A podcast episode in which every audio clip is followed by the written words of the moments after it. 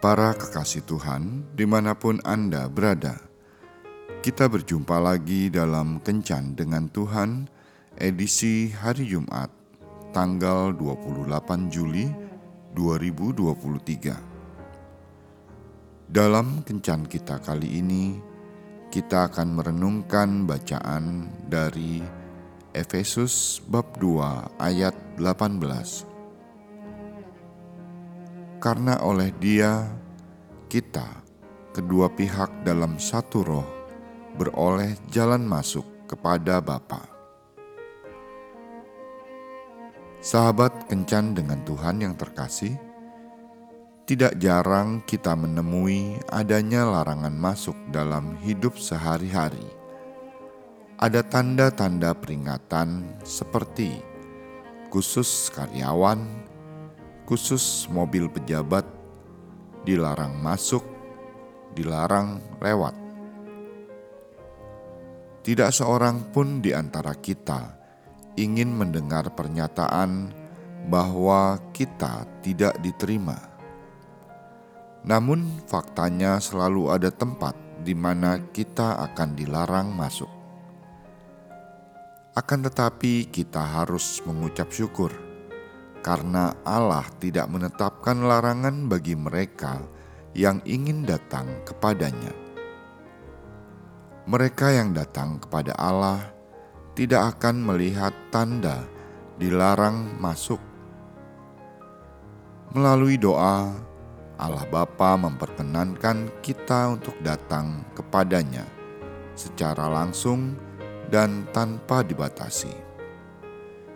Ini karena Yesus telah membuka jalan bagi semua orang yang menerimanya. Marilah kepadaku, semua yang letih, lesu, dan berbeban berat. Aku akan memberikan kelegaan kepadamu. Matius 11 ayat 28 Barang siapa datang kepadaku, ia tidak akan kubuang Yohanes 6 ayat 37 Barang siapa haus, baiklah ia datang kepadaku dan minum. Yohanes 7 ayat 37 Begitu kita datang kepada Kristus untuk menerima keselamatan, kita dapat menerima persekutuan yang tidak terbatas pintu menuju kepadanya selalu terbuka. Ayo, tunggu apa lagi? Mari kita datang padanya, dan ia akan mempersilahkan kita masuk untuk memperoleh keselamatan. Tuhan Yesus memberkati. Marilah berdoa. Tuhan Yesus, Terima kasih karena Engkau selalu terbuka untukku, apa pun keadaan diriku. Tanganmu senantiasa terbuka untuk menerima kedatanganku. Buka hatiku dan hancurkan kekerasan hatiku, agar aku dapat bergegas untuk datang kepadamu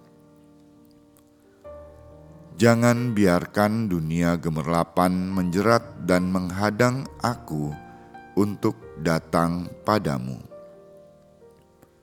Biarlah hatimu yang penuh kasih senantiasa menguasai hatiku, sehingga melalui kehadiranku banyak orang datang kepadamu. Yesus, jadikan hatiku seperti hatimu. Amém.